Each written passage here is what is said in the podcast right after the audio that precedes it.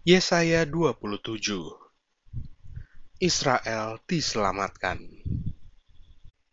Pada waktu itu, Tuhan akan melaksanakan hukuman dengan pedangnya yang keras, besar dan kuat atas lewiatan, ular yang meluncur, atas lewiatan, ular yang melingkar, dan ia akan membunuh ular naga yang di laut.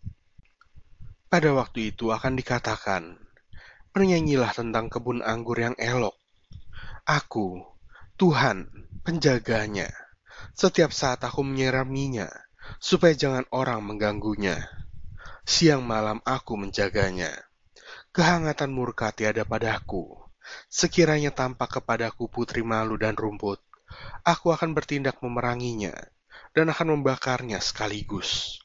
Kecuali kalau mereka mencari pelindungan kepadaku dan mencari damai dengan aku. Ya, mencari damai dengan aku.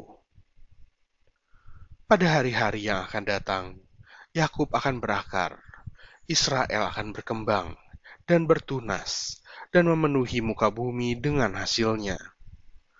Apakah Tuhan memusnahkan umatnya, seperti ia memusnahkan orang yang memusnahkan mereka? Atau apakah ia membunuh umatnya, seperti ia membunuh orang yang membunuh mereka? Dengan menghalau dan dengan mengusir mereka, engkau telah melawan mereka.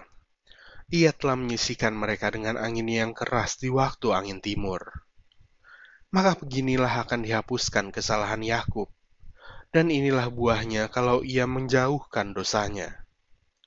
Ia akan membuat segala batu mesbah seperti batu-batu kapur yang dipecah-pecahkan, sehingga tiada lagi tiang-tiang berhala dan pendupaan-pendupaan yang tinggal berdiri.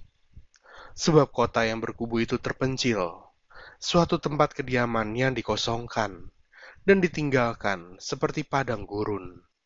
Anak lembu akan makan rumput dan berbaring di situ, menghabiskan dahan-dahan pohon. Apabila ranting-rantingnya sudah kering, maka akan dipatahkan. Perempuan-perempuan akan datang dan menyalakannya Sebab inilah suatu bangsa yang tidak berakal budi.